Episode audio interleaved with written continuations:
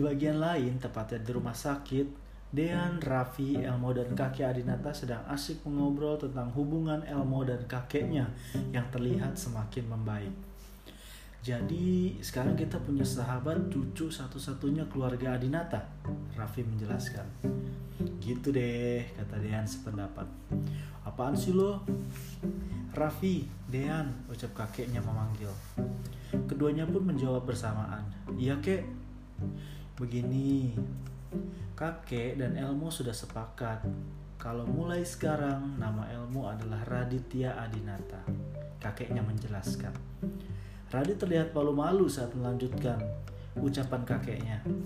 Jadi mulai sekarang kalian bisa panggil gue Radit. Oh, oke. Okay. Jawab Raffi setuju sambil mengacungkan ibu jarinya. Dian pun mengangguk ikut senang. Di saat sedang membicarakan tentang perubahan nama, terbesit dalam ingatan Radit tentang keadaan kedua orang tua angkatnya. Eh, tunggu. Bapak sama ibu angkat Radit di mana, kek? Tanya Radit ingin tahu sambil memandang kakeknya penuh harap. Bapak ibu gua di mana, Raf? Den, ucap Radit yang kini bertanya pada kedua sahabatnya. Namun di antara Raffi dan Dean tidak ada yang berani menjelaskan. Apa boleh buat, kakek Adinata akhirnya memutuskan untuk menjelaskan semuanya. Begini, Dit. Setelah mereka melakukan kekerasan terhadap kamu, mereka berusaha melarikan diri. Dan dalam usaha penangkapannya, mereka terjatuh ke jurang. Untungnya ayah angkat kamu bisa diselamatkan, tapi ibu angkat kamu meninggal di tempat kejadian. Mendengar semua itu, wajah Radit mendadak pucat. Namun kakek terus menjelaskan. Kabar terakhir yang kakek dapatkan, ayah angkat kamu sudah sadar. Namun ia mengalami stroke hingga akan sangat sulit untuk berkomunikasi dengannya, ucap kakek menjelaskan. Jadi, ibu angkat Radit juga udah meninggal. Mendengar berita itu, seketika Radit terdiam. Wajahnya tertunduk lesu. Walaupun mereka tidak pernah memperlakukan Radit dengan baik, tapi tetap saja hal itu membuat ia sangat terpukul, hingga air mata pun mengalir di pipinya. Gue terus berduka cita ya, Dit. Semua udah ada jalannya masing-masing. Lu harus sabar ya, ucap Raffi sambil menepuk bahu Radit. Radit pun mengangguk pelan, lalu kembali bicara. Makasih, Raf. Maafkan kakek baru memberitahu kamu sekarang ya, Dit. Iya, nggak apa-apa, kek. Sekarang Radit mau lihat keadaan bapak. Tapi kamu belum boleh keluar, nak, ucap kakek melarang. Iya, Dit, tunggu sampai lu benar-benar sehat, kata Raffi ikut bicara. Gue mau ketemu bokap gue sekarang, Raf. Gue mau lihat keadaan dia. Tolong ya, kek. Baiklah, baiklah, kalau itu mau kamu, ucap kakek akhirnya mengizinkan. Raffi, Dean, tolong antar Radit ya. Baik, kek.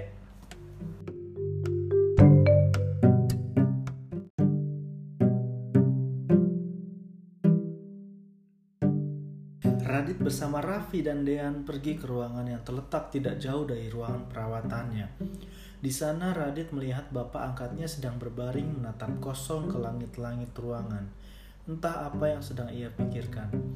Namun saat ia melihat Radit berdiri di sebelahnya, wajahnya berubah ketakutan dan tidak lama setelah itu ia malah menangis. Tapi ia tidak bisa bicara sehingga baik Raffi maupun Dean tidak bisa mengerti apa yang ia rasakan. Ini Elmo pak, bapak kenapa nangis? Tanya Radit ikut sedih. Bapak angkatnya seperti ingin mengatakan sesuatu tapi tidak terdengar dengan jelas. Sehingga Radit mendekatkan telinga ke mulut bapak angkatnya. Bak minta maaf. Kata-kata itu yang bisa didengar oleh Radit. Elmo gak pernah marah sama bapak. Jadi gak perlu ada yang dimaafkan. Sekarang lebih baik bapak istirahat supaya cepat sembuh ya. Ucap Radit telah memaafkan bapak angkatnya yang selama ini selalu memperlakukan dirinya dengan tidak baik.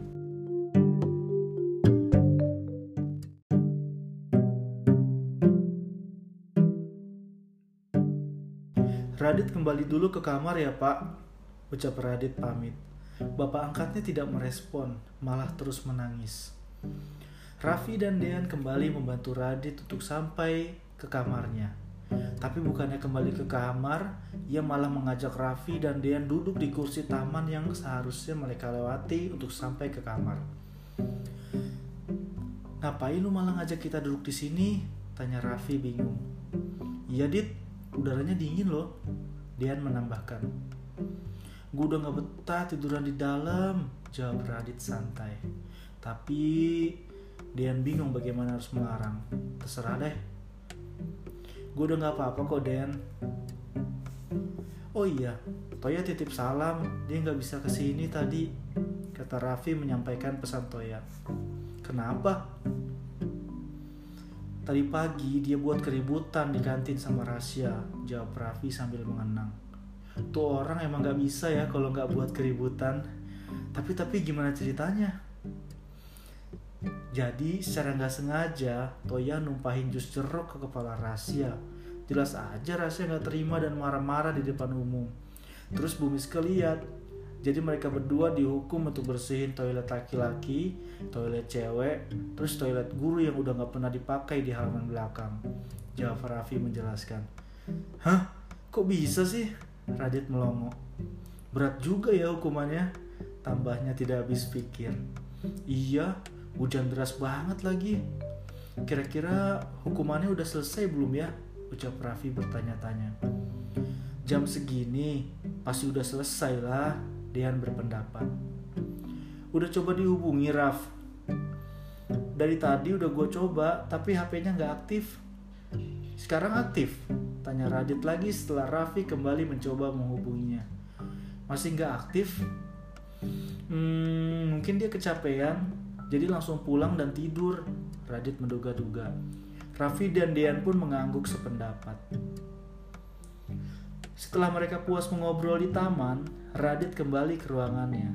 Sedangkan Raffi dan Dean memutuskan untuk pulang karena hari sudah larut malam dan besok mereka masih harus masuk sekolah.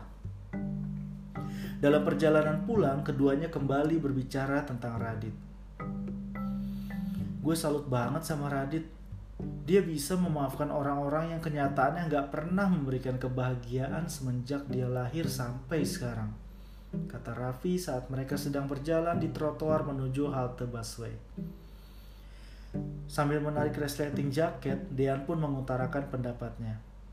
Gue juga sempet kaget sama ucapan dia di ruang bokap angkatnya tadi. Gue benar-benar gak melihat dendam sedikit pun dari matanya. Dan gue juga gak mendengar sedikit pun rasa marah dari nada suaranya. Finally gue senang sih, sekarang Radit akan memulai hidup baru dengan kakeknya. Gue rasa dia nggak akan kekurangan apa-apa lagi, ucap Raffi antusias. Iya, gue juga yakin kakek Adinata nggak akan nyesel punya cucu kayak dia. Kata Dean, tepat ketika mereka telah sampai di halte busway, terdekat untuk mengantar mereka pulang ke rumah. Pagi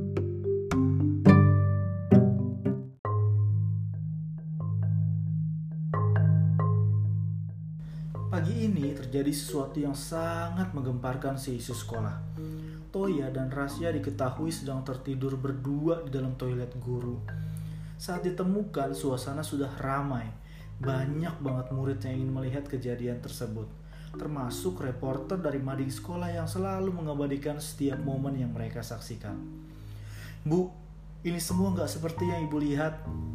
Toya berusaha membela diri, sedangkan suasana semakin ramai. Iya bu, kita bisa jelasin semuanya, Rasya menambahkan. Ikut saya ke kantor. Sekarang, ucap Ibu Miske berteriak, membuat semua murid yang ada di tempat itu menutup telinganya. Sedangkan Toya dan Rasya bergegas ikut menuju ke kantornya. Murid-murid lain yang tidak suka melihat kejadian itu menyoraki mereka keras-keras. Dari belakang kerumunan, Raffi dan Dean berusaha mencapai posisi paling depan agar bisa melihat apa yang sedang terjadi. Permisi, permisi, ada apaan sih? Tanya Raffi bingung, saking banyaknya orang di tempat itu. Toya, Dean terkejut melihat ah sahabatnya mengikuti Ibu Miske pergi bersama Rasya. Raffi yang juga melihat langsung bertanya kepada salah satu cewek kelas 12 yang berada di sebelahnya. Eh, Toya sama Rasya kenapa? Raffi bertanya penasaran. Ke gap tuh, berduaan semalaman di toilet. Gila banget deh, ucap cewek itu lalu pergi. Duh, sayang banget.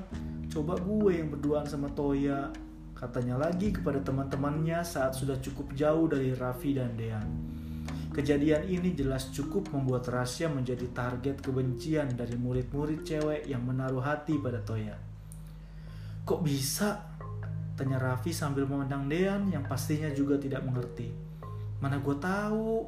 Jawab Dean bingung.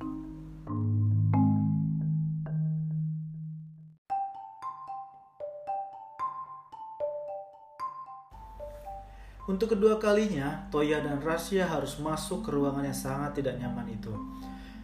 Apa yang sudah kalian lakukan? Tanya ibu Miske yang sudah terbakar emosi, sehingga seperti biasa ia kembali memukul meja dengan telapak tangannya yang kuat dan besar. Kami gak melakukan apa-apa. Lagi-lagi Toya berusaha membela diri. Jangan bohong. Ibu Miske semakin emosi. Demi Allah, Bu. Sahut Toya lebih lagi keras. Ibu Miske yang emosi mendengar jawabannya lalu menampar wajah Toya cukup keras. Toya merintih kesakitan karena Ibu Miske menampar tepat di bagian wajah yang terluka akibat dipukuli oleh murid-murid kelas 12 kemarin saat berusaha menolong Rasya. Bener bu, kita nggak bohong. Rasya ikut bicara dan kini hampir menangis. Matanya sudah berkaca-kaca, entah karena merasa difitnah atau karena tidak tega melihat Toya ditampar. Terus kenapa kalian berdua bisa ada di sana sampai sepagi ini? Ujar Ibu Miske sepertinya sudah hilang akal. Biar saya jelaskan. Rasya mengambil alih pembicaraan. Ibu Miske pun menghela nafas panjang lalu mulai mendengarkan cerita dengan ekspresi wajah yang masih emosi. Matanya bergantian memandang Toya kemudian Rasya. Kemarin sore kami membersihkan toilet guru sama-sama. Saat kami sedang bekerja, datang empat murid kelas 12 yang mengganggu saya. Toya yang melihat kejadian itu mencoba membela saya, Bu. Tapi Toya malah dipukulin sampai dia terluka seperti ini. Ujarnya sambil menunjuk luka di sekitar bibir Toya. Kemudian melanjutkan bercerita. Ditambah lagi, mereka sengaja mengunci pintu dari luar, sehingga kita terjebak di toilet itu sampai pagi ini. Jelas terlihat Ibu Miske terkejut mendengar cerita rahasia. Lantas, kenapa kalian tidak berusaha mencari pertolongan? Mau cari pertolongan bagaimana, Bu? Sedangkan toilet guru letaknya berada di halaman belakang yang jarang didatangi oleh orang. Kecuali mungkin keempat orang kelas 12 itu, jawab Rasya lancar. Bener, Bu. Kita mau telepon seseorang, tapi tas dan HP saya ada di mobil. Begitupun HP Rasya yang rusak karena tercebur ke dalam bak saat dia membersihkan toilet kemarin. Sautoya mulai ikut bicara. Rasya pun mengangguk tanda setuju dengan apa yang dikatakan Toya. Siapa empat murid kelas 12 itu? Tanya Ibu Miske seperti sedang menginterogasi. Ingin sekali Rasya mengatakan siapa pelakunya, namun ia takut hal itu akan menimbulkan masalah baru yang bisa berakibat semakin buruk bagi Toya. Oleh karena itu, ia lebih memilih untuk diam.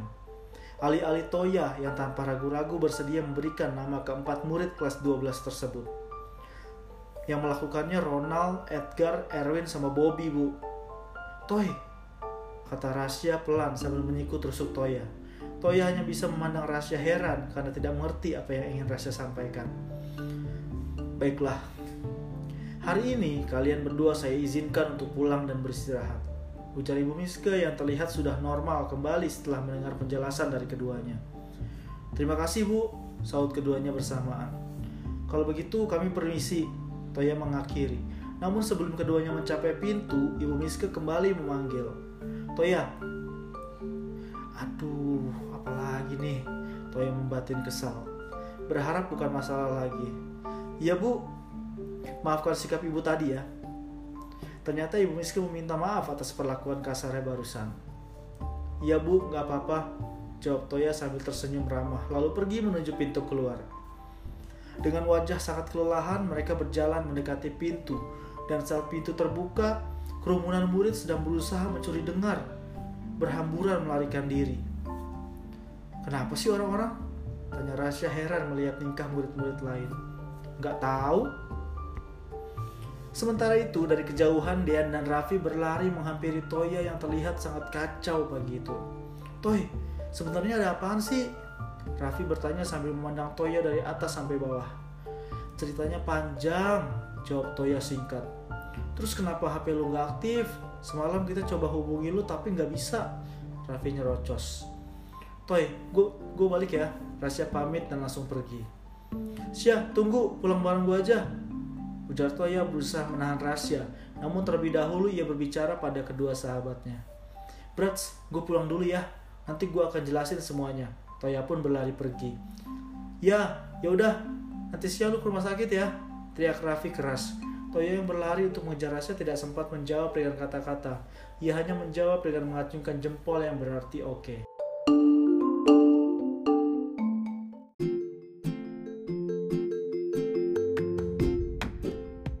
Terus berlari mengejar Rasya. Sampai di halaman parkir sekolah, ia baru berhasil mengejarnya. Syah, tunggu. Apalagi sih? Tanya Rasya dengan ekspresi wajah yang terlihat sangat kelelahan. Lu kelihatan capek banget, biar gua antar pulang aja ya. Nggak usah, makasih. Jawab Rasya menolak sambil mencoba menerobos pertahanan Toya. Namun ia tetap bertahan. Syah, ayolah. Gue tahu lu capek banget. Niat gue baik kok. Toya terus mendesak. Setelah berpikir sejenak, ia pun bersedia.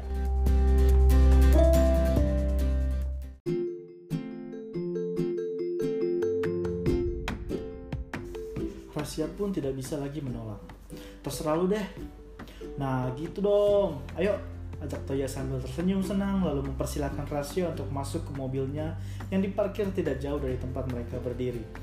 Tanpa membuang waktu lagi, Toya bergegas mengendarai mobilnya dan pergi untuk mengantarkan Rasya pulang.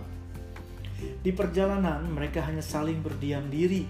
Ingin sekali Toya memulai obrolan, namun ia takut mengganggu. Tapi setelah mengumpulkan segenap keberanian, ia pun mencoba untuk bertanya. Sya, ucap Toya memulai bicara. Namun saat ia menoleh, ternyata Rasya tertidur Toya yang tidak ingin mengganggu terpaksa mengurungkan niat sambil berkata pelan. Cantik banget nih cewek. Lalu Toya kembali berkonsentrasi menyetir. Setelah beberapa waktu perjalanan telah mereka lalui, akhirnya Toya menghentikan mobilnya di sebuah rumah berwarna putih bersih dengan pintu gerbang tinggi menjulang. Yang jika dilihat nomornya, mereka telah sampai di rumah Rasya. Toya ingin membangunkan Rasya, namun tidak tega karena ia tidur sangat lelap. Sehingga Toya memutuskan untuk menunggu sampai ia terbangun dari istirahatnya. Sambil itu, Toya juga beristirahat di kursinya. Karena tak kuasa menahan kantuk, ia pun ikut tertidur. Beberapa saat kemudian, Rasya terbangun dari tidurnya. Loh, kok gue bisa tidur di sini? Tanya Rasya kebingungan. Lalu melihat ke arah Toya yang sekarang juga telah tertidur dan selama beberapa saat terus memandanginya. Ternyata nih cowok keren juga ya, ungkapnya sambil tersenyum penuh arti. Lalu tiba-tiba Toya terbangun dan sepertinya sempat melihat Rasya tersenyum padanya. Meskipun begitu, dengan cepat Rasya menggantinya dengan ekspresi kesal.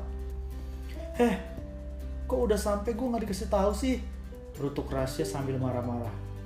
Sorry, tadi lu tidur nyenyak banget soalnya jadi gue nggak tega untuk banguninnya. Toya mencoba menjelaskan. Ah alasan aja lu. Gue pikir gue bisa ya menghilangkan rasa benci gue terhadap lo tapi ternyata lo emang pantas dibenci tahu? Rasya terus marah-marah tanpa memperdulikan penjelasan Toya. Makasih atas tumpangannya ucap yang mengakhiri dan langsung keluar dari mobil. Toya yang jadi ikut emosi bergegas keluar dari mobil dan balik memarahi Rasya. Tunggu Toya meminta Rasya untuk berhenti. Rasya pun berhenti dan berbalik memandangnya. Asal lu tahu ya, gue bener-bener berniat untuk nolong lu. Tapi kenapa sikap lu keras kepala banget? Dasar cewek batu, ucap Toya dengan nada kesal. Setelah mendengar ucapannya, Rasya tidak lagi bicara, malah langsung masuk ke dalam rumah. Toya yang masih kesal kembali masuk ke mobil, menginjak pedal gas dan pulang ke rumah untuk beristirahat.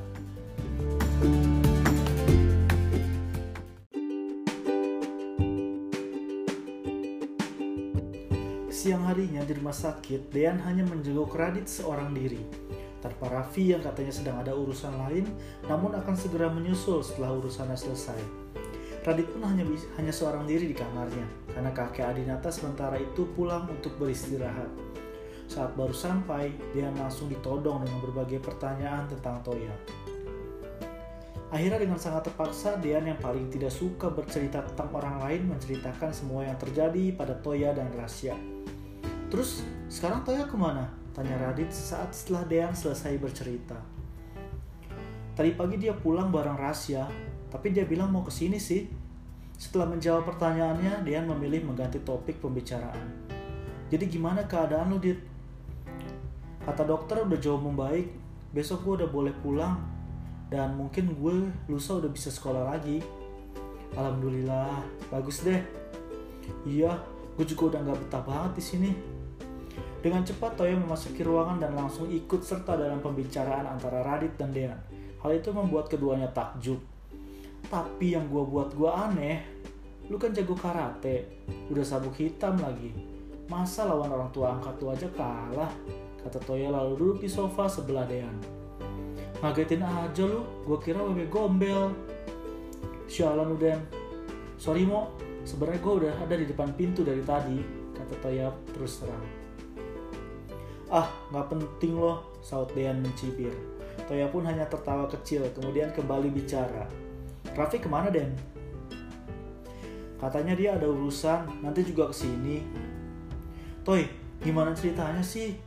Lu kok bisa berduaan terkunci sama rahasia di toilet? Tanya Radit yang masih penasaran ingin mendengar ceritanya langsung. Sebenarnya gue males banget ceritanya, Brats.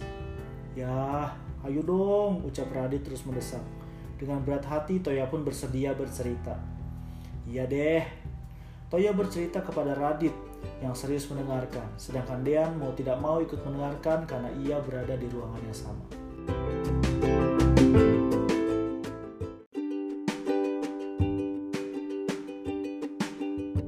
Di sudut lain rumah sakit, Raffi kembali mencoba untuk menemui Nisa, seorang cewek manis namun lumpuh dan buta yang entah kenapa membuat dirinya begitu tertarik. Sebelum sampai di tempat Nisa biasa menyendiri, Raffi berpapasan dengan ibu Nisa yang wajahnya terlihat lebih lelah dari sebelumnya. Selamat sore bu, Raffi menyapa dengan ramah. Raffi, apa kabar Raff? Kabar saya baik bu, ibu sendiri bagaimana? Kabar ibu juga baik. Bagaimana keadaan Nisa bu?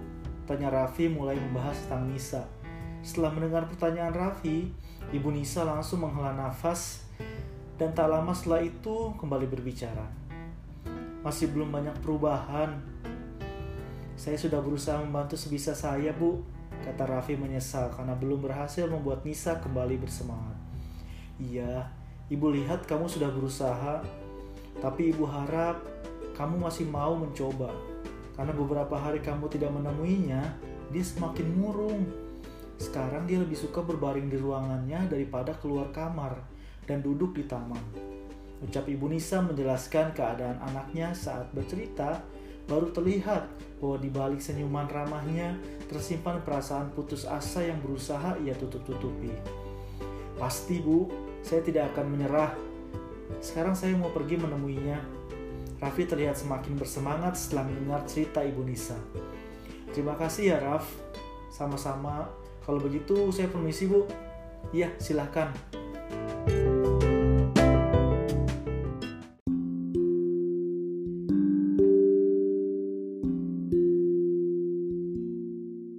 Sore itu langit terlihat mendung. Ia bergegas menemui Nisa yang kala itu sedang duduk di taman seorang diri. Sore Nis, Raffi menyapa. Kamu lagi, sahut Nisa terdengar tidak senang. Gimana keadaan kamu? Suka kan sama boneka yang aku kasih? Tanya Raffi membuka obrolan. Tapi seperti biasa, Nisa tidak menanggapinya dengan baik. Ngapain sih kamu masih terus ganggu aku? Tanya Nisa ketus. Apa salahnya sih Nis?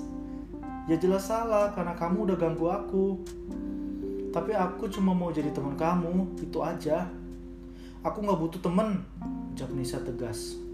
Ternyata omongan aku kemarin gak juga membuat kamu mengerti ya. Raffi mengungkit ucapannya kemarin. Dengan sikap kamu sekarang, aku malah jadi kasihan sama kamu. Kamu gak pernah bisa merasakan kalau orang-orang di sekitar kamu sangat menyayangi kamu, ucap Raffi keras. Jangan pernah kasihani aku. Kamu gak mau dikasihani kan? Makanya ubah sikap kamu itu. Gak ada yang perlu diubah dari sikap aku. Ternyata hati kamu juga udah buta ya. Aku tulus mau berteman sama kamu kata Raffi yang sudah sangat emosi, sehingga tidak lagi memikirkan perasaan Nisa. Pergi! Enggak, aku nggak akan pergi, Raffi menolak. Nisa malah menangis. Pergi dan jangan ganggu aku lagi. Raffi yang tidak tega melihat cewek menangis, hanya bisa menghela nafas lalu memutuskan untuk mengikuti keinginannya. Nis, tolong buka hati kamu. Dunia terlalu indah untuk kamu nikmati sendiri. Kesendirian kamu akan membuat kamu semakin terpuruk. Ingat ibu kamu, Nis. Pergi. Baik, aku akan pergi. Kalau itu mau kamu, aku akan pergi. Kata Rafia tidak punya pilihan lain. Dan sesuai dengan keinginan kamu, aku gak akan pernah ganggu kamu lagi. Raffi mengakhiri, lalu berbalik dan berjalan meninggalkan Nisa yang masih menangis. Saat Raffi berjalan pergi, Ternyata dalam hati Nisa sangat menyesal atas sikapnya.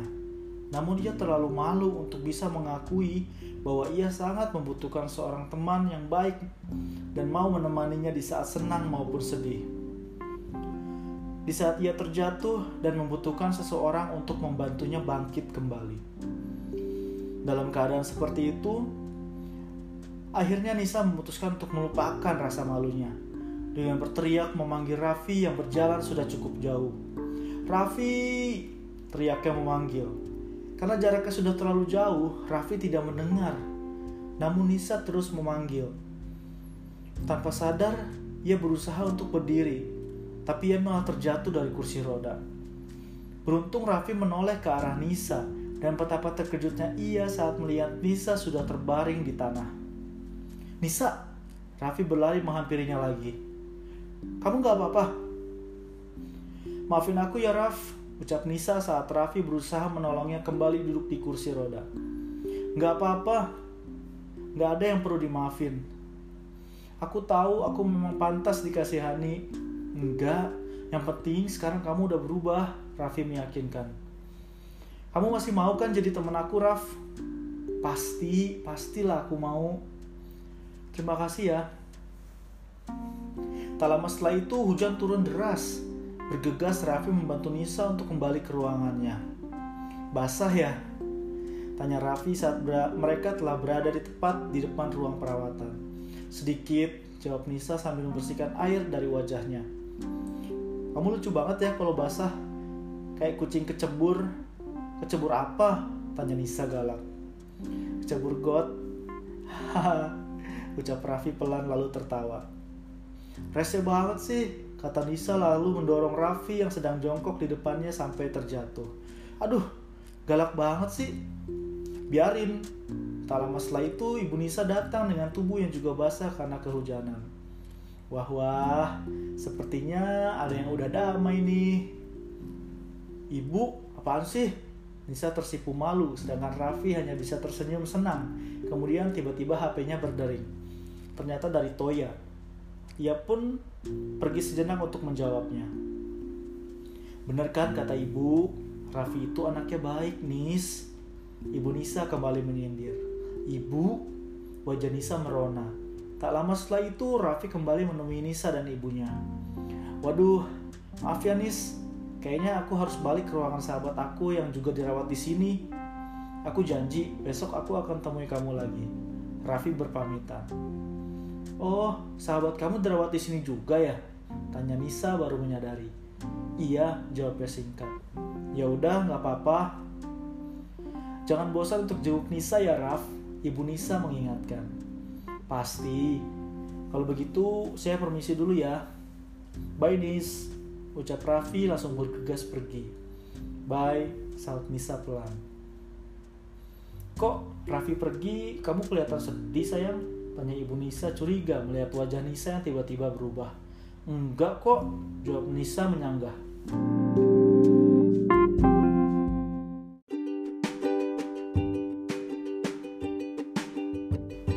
Berjalan agak cepat, akhirnya Raffi sampai di ruangan Radit. Ia pun langsung masuk dan melihat Toya, Dean, dan Radit yang sedang asik mengobrol. Oh, gue baru tahu. Jadi sekarang gue harus panggil Radit gitu? Tanya Toya yang ternyata baru mengetahui tentang perubahan nama pada Elmo.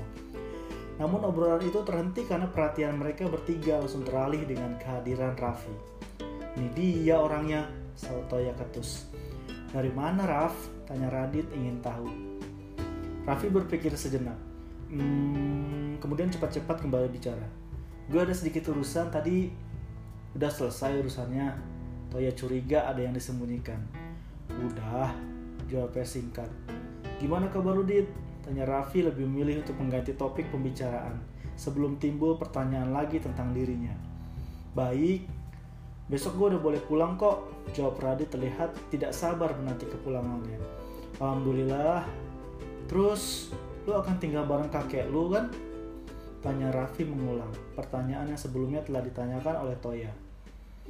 Iya, tadinya gue agak keberatan, tapi kakek bilang bokap gue juga akan ikut tinggal bareng gue dan kakek. Jadi akhirnya gue setuju deh. Karena bokap Radit masih perlu perawatan intensif, Raf, sahut Toya melengkapi.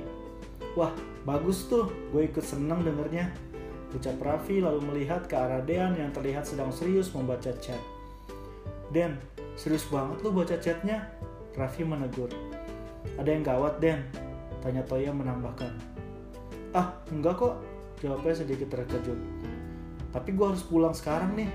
Kalian mau pulang sekarang nggak? Ucap Dean tergesa-gesa. Emangnya ada apa, Den? Tanya Radit yang juga aneh melihat sikap sahabatnya itu. Gak ada apa-apa sih, ya udah ayo pulang kata Toya menyetujui kalau gitu kita pulang dulu ya Dit ucap Raffi berpamitan Gak apa-apa kan lu sendirian? Tanya Dean sedikit tidak enak pada Radit. Gak apa-apa lah, sebentar lagi kakek juga datang kok, jawabnya santai. Ya udah, sampai ketemu lusa ya Dit, ucap Toya mengakhiri.